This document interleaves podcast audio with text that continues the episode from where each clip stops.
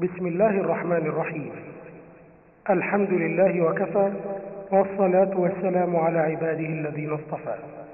أيها الإخوة الكرام السلام عليكم ورحمة الله وبركاته.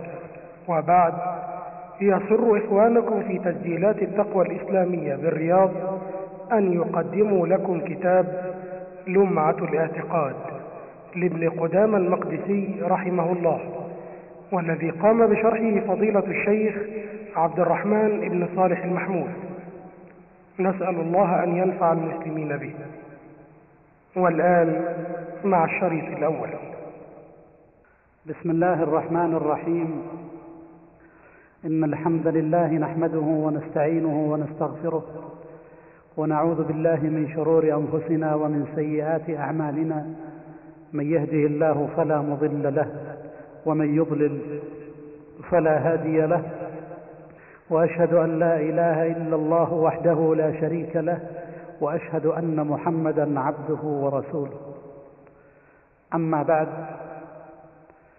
فنحن في هذه الليلة سنبدأ إن شاء الله تعالى دروسا في العقيدة وذلك من خلال شرح رسالة من رسائل السلف رحمهم الله تعالى في العقيدة.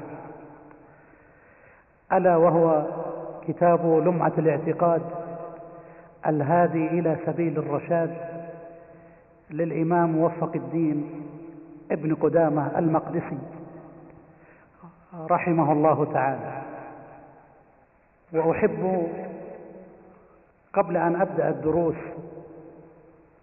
أن أقدم بمقدمتين. إحداهما أن أتقدم بالشكر للإخوة في جامعة الملك سعود على حرصهم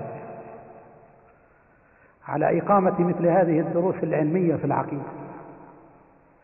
ومن ثم فإنني أقول للإخوة إمام جامع الطلاب الكبير ولمن معه أقول جزاكم الله خيرا ووفقكم وسدد خطاكم وأسأل الله سبحانه وتعالى أن يجعلني وإياكم ممن أخلص في أعماله لربه وممن وفق فيها حتى يسير في كل أموره على منهاج نبينا محمد صلى الله عليه وسلم.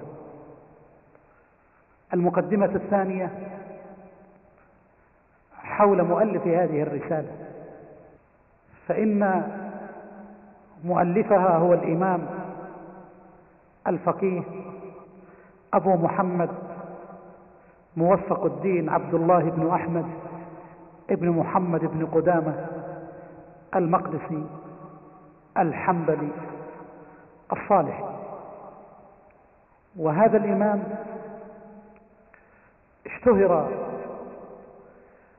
لدى العلماء بأنه صاحب المغني لأن كتابه المغني في الفقه يعتبر أوسع أوسع موسوعة في مذاهب العلماء وأقاويلهم في مسائل الشريعة الإسلامية. فإنه جمع رحمه الله رحمه الله تعالى في هذا الكتاب العظيم الفريد في بابه جمع بين ذكره لأقاويل الصحابة وأقاويل كبار التابعين وتابعيه. ثم أيضا ذكره لأقوال الأئمة الأربعة الشافعي وأبي حنيفة ومالك وأحمد بل وكبار أصحابهم رحمهم الله تعالى. وأيضا استقصى رحمه الله تعالى الروايات داخل المذهب داخل مذهب الإمام أحمد بن حنبل رحمه الله تعالى. ثم إنه أيضا اعتمد على ذكر الأدلة والتعليلات التي ذكرها الفقهاء ثم لم يترك أيضا الخلاف هكذا وإنما أخذ يرجح مما يراه راجحا رحمه الله تعالى.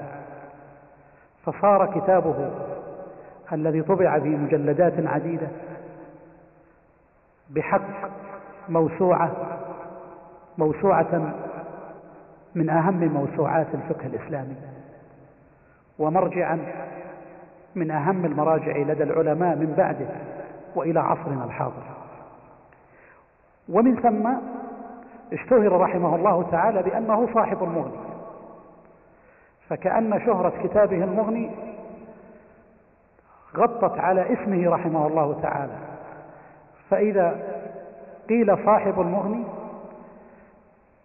انتقل هذا التعريف إلى هذا إلى هذا الإمام الجليل الذي سبق أن ذكرنا نسبه باختصار. ثم أيضا إن هذا الإمام الجليل أيضا الذي ولد سنة خمسمية وإحدى وأربعين هجرية بفلسطين ببلدة تسمى جماعيل قرب نابلس. وتوفي رحمه الله تعالى سنة اثنتين وستين سنة عشرين وستمائة من الهجرة النبوية. أقول إن هذا العالم الجليل تميز فوق تميزه العلمي بمثل كتابه المغني ومختصراته الأخرى في الفقه ككتابه المقنع الذي يعتبر للمتوسطين والكافي وهو فوق ذلك وأيضا مثل كتابه العمدة للمبتدئين إضافة إلى كتابه روضة الناظر في أصول الفقه وهو كتاب مشهور وغير ذلك من رسائله وكتبه ومنها هذا الكتاب الذي سنبدأ دراسته في هذه الدروس المتوالية إن شاء الله تعالى. أقول إن هذا العالم الجليل هو فوق كونه عالما بارعا مصنفا هو أيضا إمام مجاهد. فقد اشتهر رحمه الله تعالى بمشاركاته في الجهاد في سبيل الله مع صلاح الدين الأيوبي هو وجماعته المقادسة من إخوانه وأبناء عمومته رحمهم الله تعالى فإن هذه الأسرة كانت مع صلاح الدين الأيوبي رحمه الله تعالى في جهاده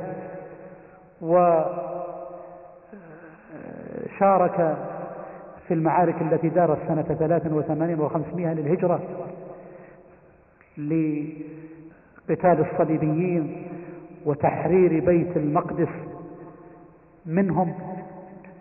وكان ابن قدامة رحمه الله تعالى وأفراد أسرته ممن لهم دور كبير جدا في جهاد الصليبيين. إذا إمامنا هو إمام علم وإمام عمل وجهاد وهؤلاء هم سلفنا الصالح رحمهم الله تعالى. كانت صفاتهم كانت صفاتهم تميزهم بهذا التميز. علم مؤصل معه ويعقبه عمل ودعوة وجهاد في سبيل الله. بعد هاتين المتقدمتين ننتقل إلى الكتاب الذي معنا. وقد سماه المؤلف رحمه الله تعالى لمعة الاعتقاد الهادي إلى سبيل الرشاد. معنى كلمة لمعة. اللمعة هي كما يقال ما خالف بين بقية اللون. كأن يكون مثلا اللون أسود وتكون فيه بقعة بيضاء فتسمى هذه البقعة البيضاء لمعة. ولذا اشتهر اشتهرت هذه الكلمة بأن تطلق على لمعة الفرس التي تكون غالبا في الخيل ونحوها وتكون هذه اللمعة لمعة بيضاء وبقية الجسم إما أدهم أو قريب من ذلك. المهم أنه اشتهر هذا اللفظ بقولهم لمعة الفرس. أو أن اللمعة بمعنى البلغة من العيش كما يقول أهل اللغة. وعلى هذا أو هذا فإن الشيخ رحمه الله تعالى قصد بكلامه أو بكتابه هذا حين سماه بلمعة الاعتقاد بأنها بلغة من الاعتقاد الصالح الصحيح. ومن ثم قال رحمه الله تعالى الهادي إلى سبيل الهادي إلى سبيل الرشاد. ولا شك أن الاعتقاد الصحيح المبني على الأدلة الصحيحة من كتاب الله وسنة رسوله صلى الله عليه وسلم هو هاد لمن سلكه وسار عليه إلى سبيل الرشاد. سبيل الرشاد في الدنيا بأن يكون من اعتصم بها ممن هدي ورشد واستقام في طريقه وهو أيضا سبيل إلى الرشاد في الآخرة حين يهدى من مات على هذا التوحيد الصحيح. إلى جنات النعيم. أسأل الله تبارك وتعالى أن يجعلني وإياكم جميعا من أهل الجنة وممن وفق وهدي إلى سبيل الرشاد وعلى هذا فإن الشيخ رحمه الله تعالى لم يرد من رسالته هذا أن تكون كتابا مفصلا في الاعتقاد وإنما أرادها لمعة تضيء الطريق أو أرادها بلغة للسالك بحيث إنه إذا قرأها واستوعبها وفهمها استقامت لديه معرفة العقيدة من جوانبها المتعددة. وهو رحمه الله تعالى ربط عقيدته بالأدلة من كتاب الله ومن سنة رسول الله صلى الله عليه وسلم. بدأ الشيخ رحمه الله تعالى رسالته هذه بما يبدأ به المصنفون من أئمة الإسلام رحمهم الله تعالى. فقال بسم الله الرحمن الرحيم. الحمد لله المحمود بكل لسان. والكلام على البسملة منتشر في كافة شروح الكتب من جميع الأنواع. شروح الكتب؟ حتى في اللغة وفي النحو وفي كتب العقائد والفقه وغيرها. لا يكاد من شرح كتابا من هذه الكتب إلا وتكلم عن البسملة معناها وما دلت عليه من الأسماء لله سبحانه وتعالى. الله الرحمن الرحيم والكلام حول قوله باسم الجار والمجرور وبأي شيء يتعلق. ونحن نشير إشارة مجملة فنقول قول المؤلف رحمه الله تعالى بسم الله الرحمن الرحيم. باسم المعنى أبتدئ كتابي مستعينا بالله تبارك وتعالى. فباسم جار ومجرور متعلق بمحذوف تقديره أبدأ بالنسبة لمن يؤلف كتابا كإمامنا هنا. وإذا كان القارئ يقرأ القرآن وقال بسم الله الرحمن الرحيم تكون باسم جار ومجرور متعلق بقوله أقرأ بسم الله. وإذا كان الإنسان مثلا يدخل بيته أو يدخل مكانه ويقول بسم الله يكون معناها أدخل هذا المكان بسم الله الرحمن الرحيم أي مستعينا بالله مستعينا بالله تبارك تبارك وتعالى. والله الصحيح فيه أنه مشتق وليس بجامد لأن أهل اللغة اختلفوا والعلماء اختلفوا رحمهم الله تعالى في لفظ الجلالة الله. فبعضهم قال إنه علم جامد غير مشتق. وبعضهم قال إنه مشتق. ثم اختلفوا في الاشتقاق. هل هو من أله يأله فهو مألوه؟ أو من أله يأله فهو آله؟ فذهب بعض المتكلمين إلى أنه من أله يأله فهو آله أي أن الله يأله عباده. ومن ثم فسروه بتوحيد الربوبية وهو الخلق. أي أن الله يأله عبادة فهو الذي خلقهم وهو الذي يرزقهم إلى آخره. وبناء على هذا التفسير وقع خطأ كبير عند كثير من المتكلمين حين فسروا كلمة التوحيد. كلمة الشهادة لا إله إلا الله. ففسروها بأن معناها لا خالق إلا الله بناء على هذا الفهم في الاشتقاق. لكن القول الثاني وهو الصحيح أنها من أله يأله فهو مألوه أي معبود أي أن الله سبحانه وتعالى هو الله أي هو المستحق للعبود. ومن ثم وهذا هو القول الصحيح جاء تفسير كلمة الشهادة لا إله إلا الله أي لا معبود بحق إلا الله تبارك وتعالى وهذا هو توحيد العبادة وهذا هو الصحيح. في معنى لا إله إلا الله وهو الصحيح أيضا في اشتقاق كلمة الله. والرحمن والرحيم اسمان من أسماء الله تبارك وتعالى. الرحمن اسم هو صيغة مبالغة خاص خاص بالله سبحانه وتعالى لا يوصف به مخلوق. والرحيم أيضا اسم من أسمائه تبارك وتعالى لكن قد يوصف المخلوق بأنه رحيم.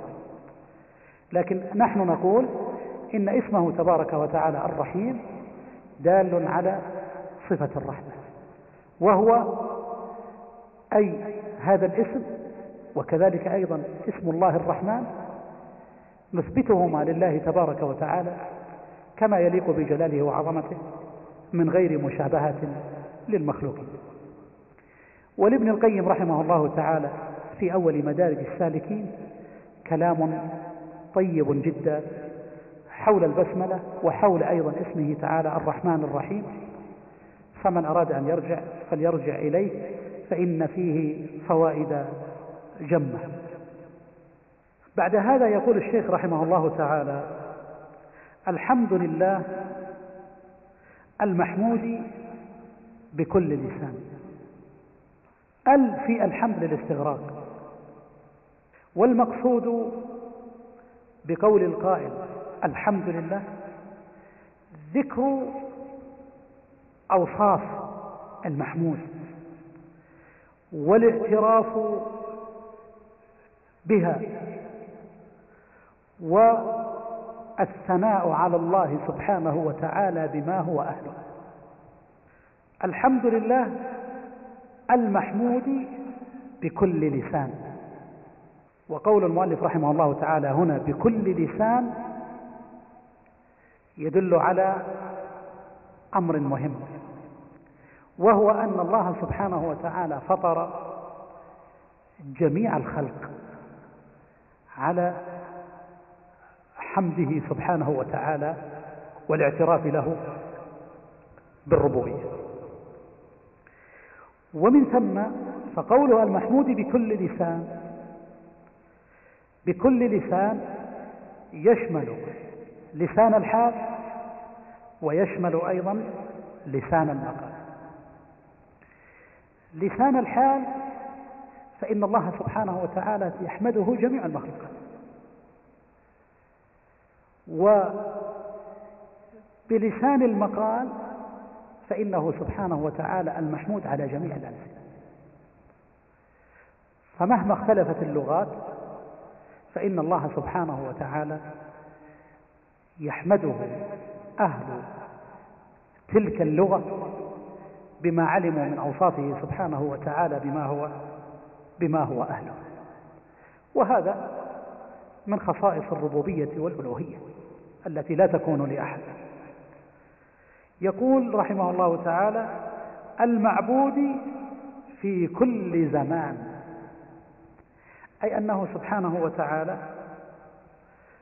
له العبودية. والعبودية أيها الإخوة قسمان. القسم الأول منها عبودية عامة شاملة لا يخرج عنها أحد. تشمل جميع الخلق. إن كل من في السماوات والأرض إلا آتي الرحمن عبد. وهو سبحانه وتعالى معبود. تلك العبودية التي هي مقتضى الربوبية معبود عند جميع الخلق. لأنه سبحانه وتعالى هو خالقهم وهو وهو ربهم تبارك وتعالى. لهذا فإن هذه العبودية العامة الشاملة لا يخرج منها أحد لا من إنس ولا جن ولا من مؤمن ولا كافر ولا من بشر ولا من ملك ولا من شمس ولا من أرض ولا من بحر ولا من هواء فالكل عبيد لله سبحانه وتعالى مسخرون له تبارك وتعالى مطيعون. وهذا مما دلت عليه النصوص الكثيرة. فإن الله سبحانه وتعالى هو الذي خلق الخلق وهو الذي يأمرهم وهو الذي يقدر لهم ما يشاء وهم خاضعون له. فحتى بني آدم الذين أعطاهم الله سبحانه وتعالى عقولا هم أيضا في نشأتهم في هذه الأرض وفي حياتهم فيها بل وفي رزقهم وأجلهم وموتهم وألوانهم وأطوالهم وما يجري داخل أجسامهم من حركات القلب والدم والهضم إلى آخره. كل ذلك هو خاضع لله سبحانه وتعالى. فليس للإنسان إرادة في أن يختار كيفية معيشته. ولا كيفية نفسه ولا كيفية ضخ الدم في عروقه إلى آخره. إذا هذا في الإنسان العاقل المكلف. فكيف بغيره من المخلوقات؟ هذه هي العبودية الشاملة التي لا يخرج عنها أحد.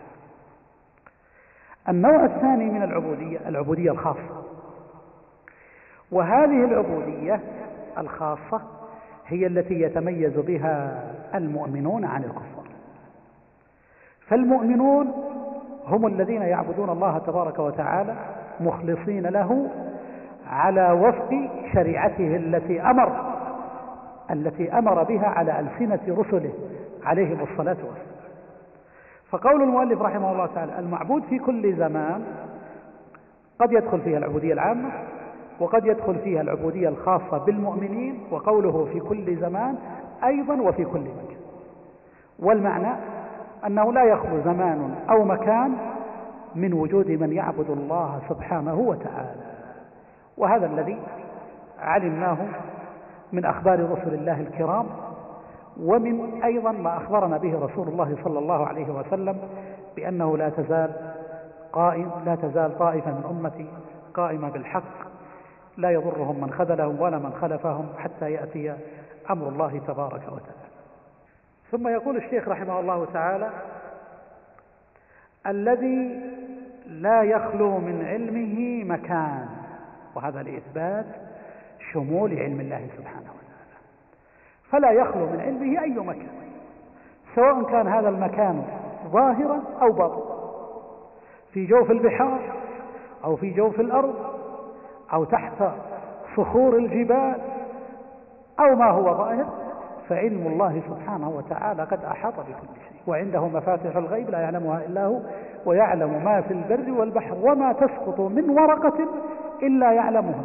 ولا حبة في ظلمات الأرض ولا رطب ولا يابس إلا في كتاب مبين.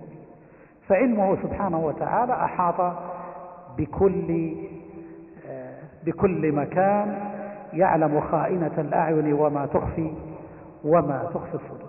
قال ولا يشغله شأن عن شأن. لماذا؟ لكمال صفاته. فالمخلوق لضعفه وقصر صفاته حتى لو كان عنده بعض الصفات لا يستطيع أن يشتغل بأكثر من شغلة في وقت واحد. يندر أن يجمع قواه العقلية لتكون في شغلتين متكافئتين. لا. وإنما غاية ما يحصل عند الإنسان أن يشتغل بشغلة يعمل فيها ذهنه مثلا ثم يشتغل بيده أو برجله بشغلة أخرى لا تحتاج إلى إعمال الذهن أما ما عدا ذلك فلا يستطيع. أما الله سبحانه وتعالى فهو تبارك وتعالى يسمع وسع سمعه السماوات والأرض فيسمع في وقت واحد دعاء الداعين وأقوالهم على اختلاف الزمان والمكان وهو سبحانه وتعالى كل يوم هو في شأن ولا يشغله شأن عن شأن فيغفر لهذا ويتوب على هذا ويستجيب لهذا ويرزق هذا ويحيي هذا ويميت هذا سبحانه وتعالى.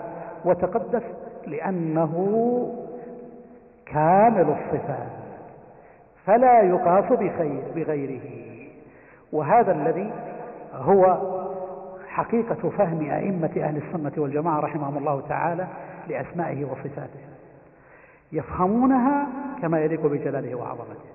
ومن ثم فلا يحتاجون إلى تأويل. أما أهل الكلام الباطل فإنهم أولا يقعون في التشبيه. فإذا سمعوا صفة من صفات الله تبارك وتعالى ظنوا أنها كصفة فلان أو كذا أو كذا فيقعون في التشبيه ثم يضطرون إلى التأويل والتعطيل. أما أهل السنة والجماعة فيثبتون لله الصفات كما يليق بجلاله وعظمته ولا يحتاجون إلى تأويل ولا إلى تحريف ولا إلى تعطيل. قال رحمه الله تعالى جل أي تقدس وتنزه عن الأشباه والأنواع الأشباه والشبيه هو المشابه من بعض الوجود إلى بعض وهو سبحانه وتعالى جل عن أن يشبه شيئا من خلقه. لا في ذاته ولا في أي صفة من صفاته تبارك وتعالى. كما أنه أيضا جل وتقدس عن الأنداد والمثيل سواء في الربوبية أو في الخالقية أو في صفة من الصفات أو نحو ذلك فهو الرب المعبود وحده لا شريك له. قال وتنزه عن الصاحبة والأولاد. وهذا بنص القرآن دلت عليه الأدلة المعروفة ولم يتخذ صاحبة ولا ولدا. سبحانه وتعالى. فهو ليست له صاحبة ولا ولد. وفي ذلك نقض لما ادعاه المشركون مثلا عن قول حين يقولون إن الملائكة بنات الله أو النصارى حينما يقولون إن المسيح ابن الله أو اليهود حينما يقولون إن العزير ابن الله والابن يحتاج إلى صاحب والله سبحانه وتعالى تنزه عن الصاحبة والولد وتعالى عما يقولون عما يقول هؤلاء جميعا علوا كبيرا. قال ونفذ حكمه في جميع العباد. حكمه نافذ سبحانه وتعالى في جميع العباد. وهذا الحكم النافذ في جميع العباد الأصل فيه أنه حكمه القدري. فما شاء الله كان وما شاء لم يكن وهذا الذي نفذ في الجميع. المؤمن والكافر. فجميع العباد نفذ فيهم ونفذ فيهم حكم الله سبحانه وتعالى. فهم جاءوا إلى هذه الدنيا هذه الدنيا بأمر الله ويحيون بأمر الله ويموتون بأمر الله فحكمه فيهم نافذ. وقد يدخل بعموم هذا الكلام أن الله سبحانه وتعالى وحده هو الذي يحكم بين العباد كما قال تعالى ألا له الخلق والأمر. الخلق هو التقدير والأمر هو نفاذ شرع الله سبحانه وتعالى. فهو سبحانه وتعالى هو الذي يحكم بين عباده ويشرع لهم بما يشاء. بما أنه هو القاهر فوق عباده وحكمه القدري هو النافذ فهو أيضا سبحانه وتعالى هو الذي له الشرع والحكم بين عباده. قال تعالى ولا يشرك في حكمه أحد وقال تعالى وما كان لمؤمن ولا مؤمنة إذا قضى الله ورسوله أمرا أن يكون لهم الخيرة من أمره ويقول سبحانه وتعالى ويوم يناديهم فيقول ماذا أجبتم المرسلين؟ فعميت عليهم الأنباء يومئذ فهم لا يتساءلون.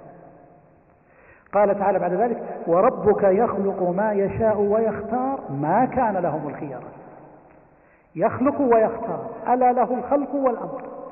فهو سبحانه وتعالى هو الذي ينفذ حكمه في جميع العباد قدرا وهو الذي يجب أن ينفذ حكمه في جميع العباد أمرا وشرعا.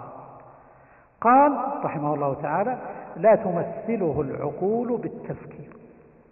أي أنه سبحانه وتعالى في ذاته وصفاته لا يمكن أن تمثله أو تشبهه العقول بتفكيرها أي ما مهما بلغ العقل في فهمه وسعة خياله أو نحو ذلك مهما بلغ فلا يستطيع أن يمثل أو يشبه ذات الله أو صفة من صفات الله تبارك وتعالى. وكيف يستطيع عقل الإنسان القاصر الصغير. كيف يستطيع أن يمثل ذات الله أو صفة من صفاته؟ والله سبحانه وتعالى يقول عن نفسه وهذه الآية مما يجب أن يقف عندها الإنسان دائما وهو يتكلم عن صفات الله سبحانه وتعالى. وما قدر الله حق قدره والأرض جميعا قبضته يوم القيامة والسماوات مطويات بيمينه. تصور هذا. فأنى لهذا الإنسان الذي هو يعتبر خلق صغير جدا يجري على هذه الأرض وهذه الأرض بالنسبة لكون الله الشاسع لا تمثل إلا ذرة صغيرة جدا. ومع ذلك فإن السماوات والأراضين بكواكبها ومجراتها وسعتها كما قال الله سبحانه وتعالى والأرض جميعا قبضته يوم القيامة والسماوات مطويات بيمينه. فكيف يأتي العقل ليمثل صفات الله سبحانه وتعالى؟ نعم هو سبحانه وتعالى لا تمثله العقول بالتفكير ولا تتوهمه القلوب بالتصوير. أي أن القلب مهما توهم لا يمكن أن يصل إلى وهم معين بتصوير ذات الله سبحانه وتعالى أو صفاته. ولهذا قطع أئمة السلف رحمهم الله تعالى أن كيفية صفات الله سبحانه وتعالى لا تحدث ولا يحاط بها.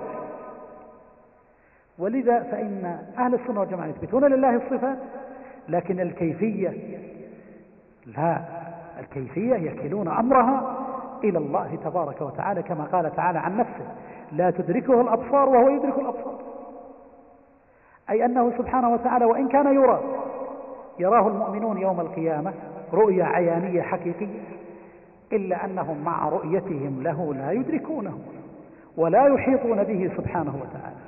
وفرق بين الرؤية وبين وبين الإدراك. ولله المثل الأعلى. نحن الآن مثلا نرى السماء أو نرى الشمس أو نرى القمر لكننا لا نستطيع أن ندركه بل في الأرض. نرى الجبل لكن لا نستطيع أن ندرك تفاصيل هذا الجبل ونحو ذلك. ولله المثل الأعلى فالله يرى. لكن مع ذلك هو سبحانه وتعالى لا تدركه الأبصار وهو يدرك الأبصار وهو اللطيف الخبير. فهو سبحانه لا تتوهمه القلوب بتصوير معين سواء كان هذا التصوير مما يتوهمه القلب لصفة ذاتية لله سبحانه وتعالى أو لصفة معنوية. قال الشيخ رحمه الله تعالى وهي قاعدة من قواعد أهل السنة مستنبطة من كتاب الله تبارك وتعالى ليس كمثله شيء وهو السميع البصير. وهذا هو منهج أهل السنة والجماعة. ليس كمثله شيء هذا رد على المشبهة والممثلة. فهو سبحانه وتعالى ليس كمثله شيء. فلا يماثل أحدا من خلقه. ولا تماثل صفاته صفات أحد من خلقه. ولذا قال ليس كمثله شيء وشيء هنا يعم لأنها نكر في سياق نفي وهو قوله ليس فهي تعم. والكاف في قوله كمثله هذه جاءت للتأكيد والأصل فيه ليس مثله شيء فأكدها بقوله ليس كمثله شيء. وبعض العلماء قالوا إن الكاف بمعنى مثل فيكون المعنى ليس مثل مثله شيء. قالوا وهذا من باب المبالغة أنه إذا كان مثل المثل فالمثل من باب أولى. إذا كان مثل المثل ليس كمثله سبحانه فإن المثل من باب من باب أولى. وقوله تعالى وهو السميع البصير هذا لبيان إثبات الصفات لله سبحانه وتعالى. فأول الآية رد على المشبهة وآخرها وهو قوله وهو السميع البصير رد على المعطلة لأن قوله تعالى وهو السميع البصير اسمان لله دالان على صفتي السمع والبصر له تبارك وتعالى. وإن كان قوله السميع البصير اسمان إلا أن هذين الاسمين لا يمكن أن يثبتا أن يثبتا إلا بإثبات مدلولهما وهو صفة السمع والبصر. ولذا اقترح بعض المعتزلة على أحد خلفاء بني العباس في زمن تسلط المعتزلة أن يكتب في أظن على سترة الكعبة أو نحوها أن وكان مكتوب عليها ليس كمثله شيء وهو السميع البصير اقترح عليه أن يمحو هذا ويكتب ليس كمثله شيء وهو العزيز الحكيم. فبعضهم يقول ما الفرق بين السميع البصير وبين العزيز الحكيم؟ لماذا؟ نقول نعم هذا المعتزلي أراد أن يثبت أن الله عزيز حكيم.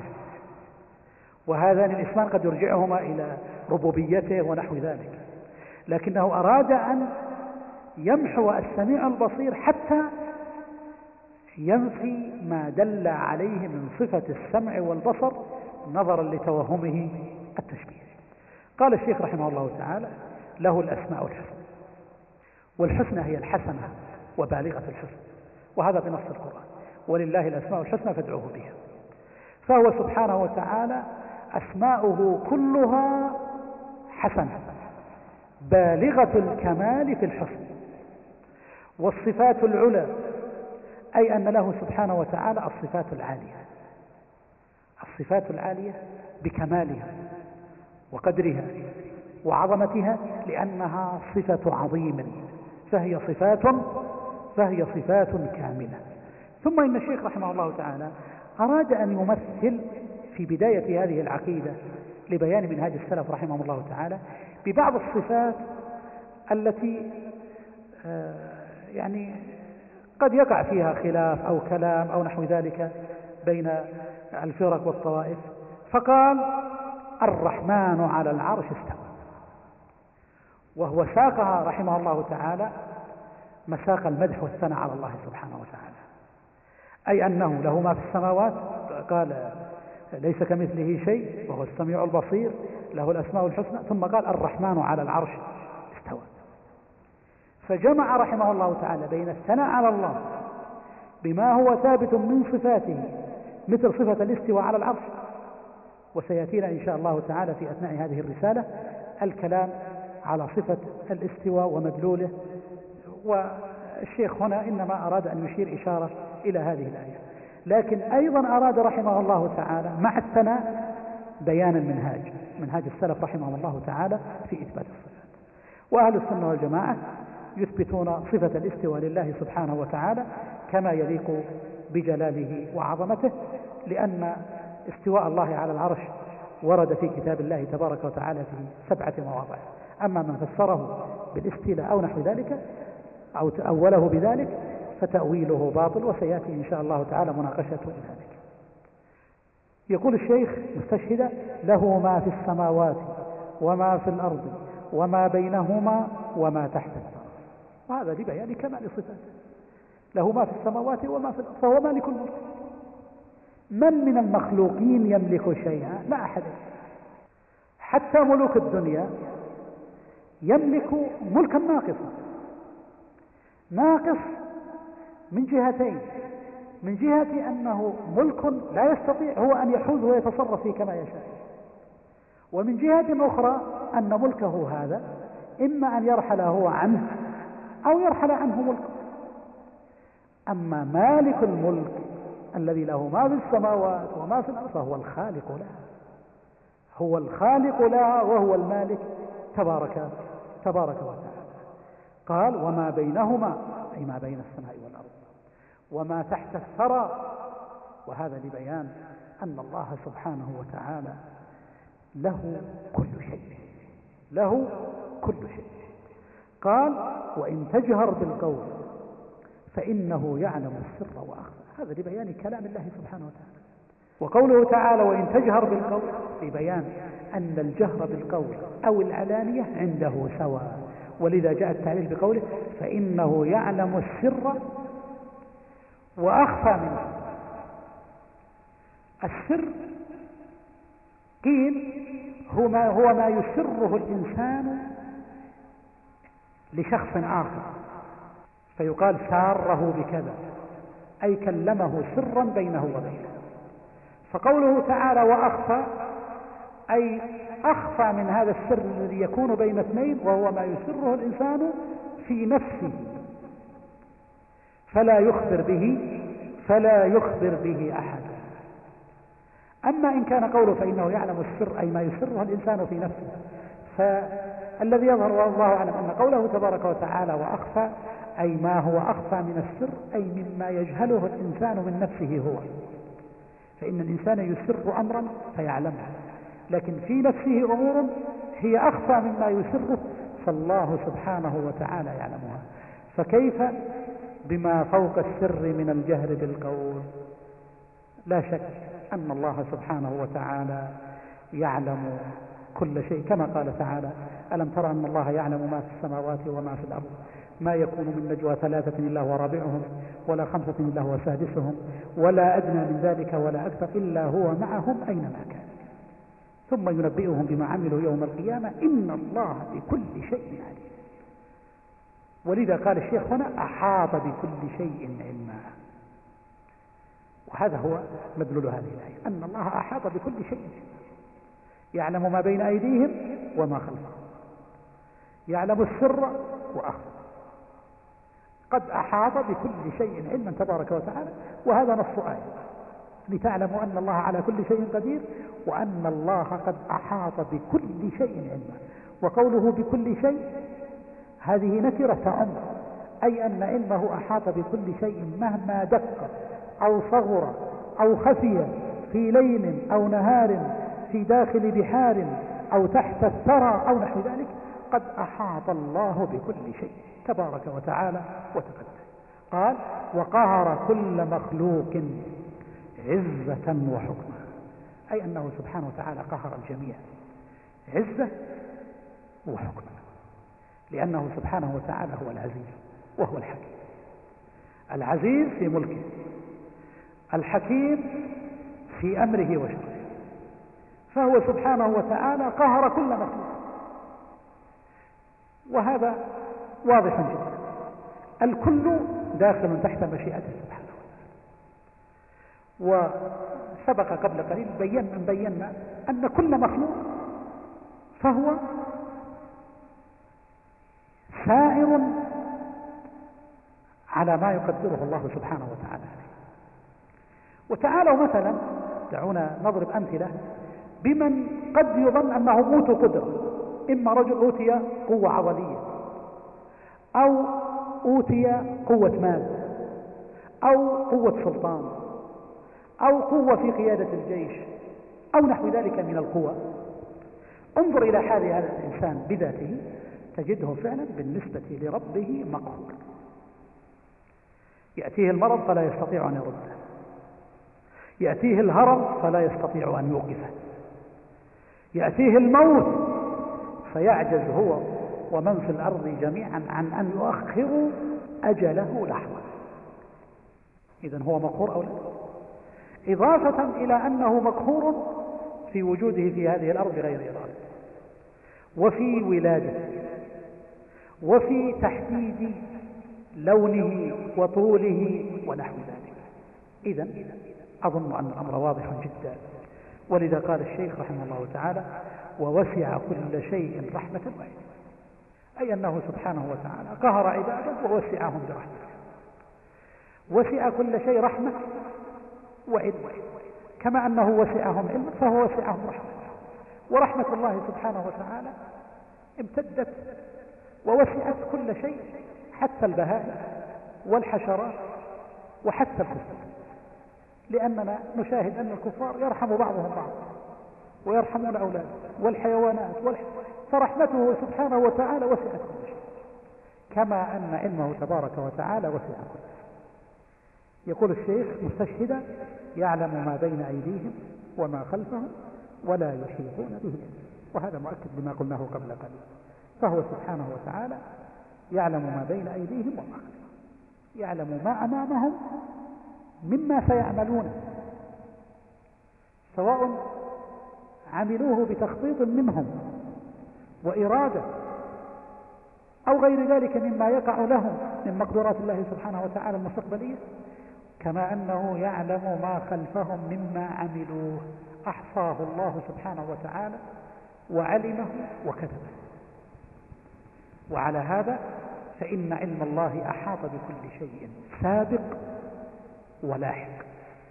والله تبارك وتعالى علم ما كان وما يكون وما لم يكن لو كان كيف يكون كما قال تعالى عن الكفار حينما يقفون بين يدي الله تبارك وتعالى ويطلبون الرجعة قال الله تعالى ولو علم الله فيهم خيرا لأسمعهم هذا في الدنيا. وقال عنهم في الآخرة ولو ردوا لعادوا لما نهوا عنه. ولا تظنوا أن هذا من باب التقدير لا هذا من باب العلم اليقين. العلم الكامل لله أن الكافر وهو واقف بين يدي الله يوم القيامة ويشاهد العذاب ويوقن بالحقيقة التي لا مراء فيها. يرى الحقيقة بأم عينيه البعث والجزاء والحساب والنار والجنة. قال الله عنه ولو ردوا لعادوا لما نهوا أي أن هذا الكافر لو عاد إلى الدنيا لعاد إلى كفره وشركه. ولربما قال لو عاد إلى الدنيا ها قد قلنا لكم إن الأمر غير صحيح ها نحن قد رجعنا إلى الدنيا مرة أخرى لكن قوله تعالى ولو ردوا لا هذا من باب العلم. العلم بما لم يكن لو كان كيف كان يكون فهو سبحانه وتعالى علم ما كان وما لم يكن. ثم قال الشيخ رحمه الله تعالى بادئا بقاعدة من قواعد منهاج أهل السنة والجماعة في باب الأسماء والصفات. فقال رحمه الله تعالى عن الله موصوف بما وصف به نفسه في كتابه العظيم وعلى لسان نبيه الكريم. أي أنه تبارك وتعالى موصوف بما وصف به نفسه في كتابه العظيم وعلى لسانه الكريم. وهذا هو مذهب السنة والجماعة. يصفون الله بما وصف به نفسه أو وصفه به رسوله صلى الله عليه وسلم. من غير أن يعطلوا الصفات أو يشبهوها أو يحرفوها أو يتأولوها تأويلا يبعد بها عن معانيها اللائقة بها. مع قولهم واعتقادهم ويقينهم وإيمانهم أن كيفية هذه الصفات لا يعلمه إلا الله سبحانه وتعالى. وهذه هي قاعدة أهل السنة والجماعة. هذه هي قاعدة أهل السنة والجماعة في هذا الباب. إثبات الصفات إثبات الأسماء والصفات لله سبحانه وتعالى كما وردت في الكتاب والسنة وكما يليق بجلال الله وعظمه. وهذه القاعدة هي التي مر أو سار عليها رحمه الله تعالى في سار عليها رحمه الله تعالى في كتابه هذا. وسيأتي إن شاء الله تعالى ذكر آه، تفصيل ما ورد من أسماء الله تبارك وتعالى وصفاته وبقية مسائل مسائل الاعتقاد المهم أن هذه هي قاعدة أهل السنة والجماعة. ثم أوضحها رحمه الله تعالى ببيان أمر خطير ومهم تميز به أهل السنة والجماعة. فقال وكل ما جاء في القرآن أو صح عن المصطفى عليه السلام من صفات الرحمن وجب الإيمان به وتلقيه بالقبول وتلقيه بالتسليم والقبول وترك التعرض له بالرد والتأويل والتشبيه والتمثيل وهذه هي قاعدة أهل السنة والجماعة. أولا أن كل ما جاء في القرآن العظيم فإننا نأخذ به. قد يقول قائل وأيضا أهل الكلام والمعطلة يأخذون بما في القرآن. نقول فرق عظيم بين أن يؤخذ بما في القرآن مفسرا للقرآن بالقرآن ومفسرا للقرآن بسنة النبي صلى الله عليه وسلم ومثبتا لما ورد وبين من يأخذ بالقرآن ثم يعمل فيه تحريفا وتأويلا. فالذي قال مثلا الرحمن على عرش استوى استوى بمعنى استولى. هو صحيح ظاهرا أخذ بالقرآن لكنه في الحقيقة لم يثبت ما في القرآن على الوجه الذي يليق بالله سبحانه وتعالى. فحرف اللفظ والنص عن المعنى اللغوي الدال عليه. وهذا هو التحريف والتأويل الباطل الذي منعه الأئمة رحمه الله تعالى. لكن أهل السنة والجماعة يأخذون بما في القرآن ويثبتون. على مقتضى ما عرف من لغة العرب التي نزل فيها التي نزل فيها القرآن مضبوطة ومقيدة بالأدلة الأخرى من الكتاب ومن السنة ومن فهم الصحابة رضي الله عنهم رضي الله عنهم جميعا لهذه النصوص. أما أن ينطلق إلى نصوص القرآن ثم يعمل فيها كل إنسان بما يشاء فهذا هو الذي فرق الفرق. تأتي للمعتزلة للخوارج للمرجئة للرافضة كل منهم يحتج بآيات القرآن فهل معنى ذلك أن مذاهبهم صحيحة لأنهم احتجوا بالقرآن؟ نقول الاحتجاج بالقرآن لابد يكون على منهاج صحيح على منهاج سليم. ولا يكون الواحد يأخذ من النصوص ما يريد ويدع منها ما لا يريد بناء على أهوائه. هذا هو منهاج أهل الأهواء. أما منهاج أهل السنة والجماعة رحمهم الله تعالى فهو القائم على أسس صحيحة. على أسس منضبطة في الاستدلال بنصوص الكتاب الكريم وفي كيفية الاستدلال والفهم. ولذا قال وكل ما جاء في القرآن أي من الأسماء والصفات فنحن نثبته لله كما يليق بجلاله وعظمته ونسلم. ثم قال وهذا هو الثاني أو صح عن المصطفى عليه السلام من صفات الرحمن. أي ما صح من حديث رسول الله صلى الله عليه وسلم فنحن نأخذ به في باب الاعتقاد ومن ذلك إثبات الصفات لله تبارك وتعالى. وهذا هو بيت القصيد في منهاج أهل السنة والجماعة وهو القضية الكبرى التي هي من القضايا والأصول الكبار التي ميزت أهل السنة والجماعة عن غيرهم من الطوائف. ألا وهي حجية خبر الآحاد الحقيقة. وأقول أيها الإخوة بهذه المناسبة إن القول بأن خبر الآحاد إذا صح وتلقي بالقبول يفيد العلم ويحتج به في باب الاعتقاد كما يحتج به في باب الأحكام. أقول إن هذا الأصل هو الذي عليه جماهير السلف رحمهم الله تعالى وجماهير الأئمة. وقد ألفت في هذا الموضوع رسائل مطبوعة. ارجعوا إليه. للشيخ الألباني رسالة وللدكتور عمر الأشقر أيضا رسالة سماها أصل الاعتقاد. وأخيرا للشيخ سليم الهلالي أيضا كتاب اسمه الأدلة والشواهد في حجية خبر الواحد. وللشيخ ابن جبرين حفظه الله تعالى رسالة في حجية خبر الواحد وإن كانت في أصول الفقه إلا أنه أيضا تطرق لقضية الاحتجاج بها في أصول الاعتقاد. وأوسع من تكلم في ذلك على حد علمه وأظن أن جميع هؤلاء استفادوا منه. ابن القيم رحمه الله تعالى في آخر مختصر الصواعق. فإن المئة صفحة الأخيرة من مختصر الصواعق المرسلة كلها في بيان هذه القضية.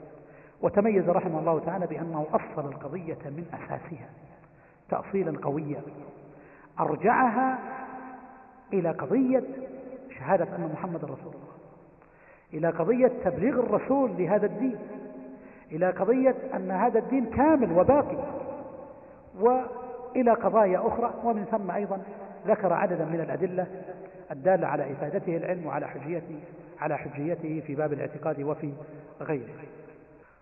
وهذا الذي عليه جماهير الأئمة المتقدمين رحمه الله ورحمه الله تعالى هو الذي يجب أن نسوقه حينما نحكي الخلاف في هذه القضية. لأن الذي دعاني إلى بيان هذه المسألة المهمة هو ما اطلعت عليه في كتب أصول الفقه للأئمة المتأخرين. والمشكلة أو حقيقة مما يوصف له أن بعض من بحث هذه المسائل ممن كتب في أصول الفقه اعتمد على كتب الفقه التي ألفها أولئك الأئمة. فهؤلاء حكوا الخلاف بحسب ما يعلمونه هم. ولما كانت كتب أصول الفقه في غالبها ممن كتبها من أئمة الاعتزال أو الأشاعرة أو الماتريدية. تأثر مؤلفوها بخلفياتهم الكلامية في كثير من قضايا العقيدة ومنها هذه القضية التي معنا وهي حجية خبر الآحاد وإفادة العلم وأقول لكم أيها الإخوة إن الكتب الكبار التي هي مراجع كلها ألفها أئمة كلام. المعتمد في أصول الفقه وهو كتاب مطبوع لأبي الحسين البصري معتزل. المحصول في أصول الفقه الفخر الرازي أشعري. المستصفى للغزالي أشعري. البرهان في أصول الفقه للجويني أشعري. العدة في أصول الفقه وكذلك أيضا الإحكام في أصول الأحكام للآمدي.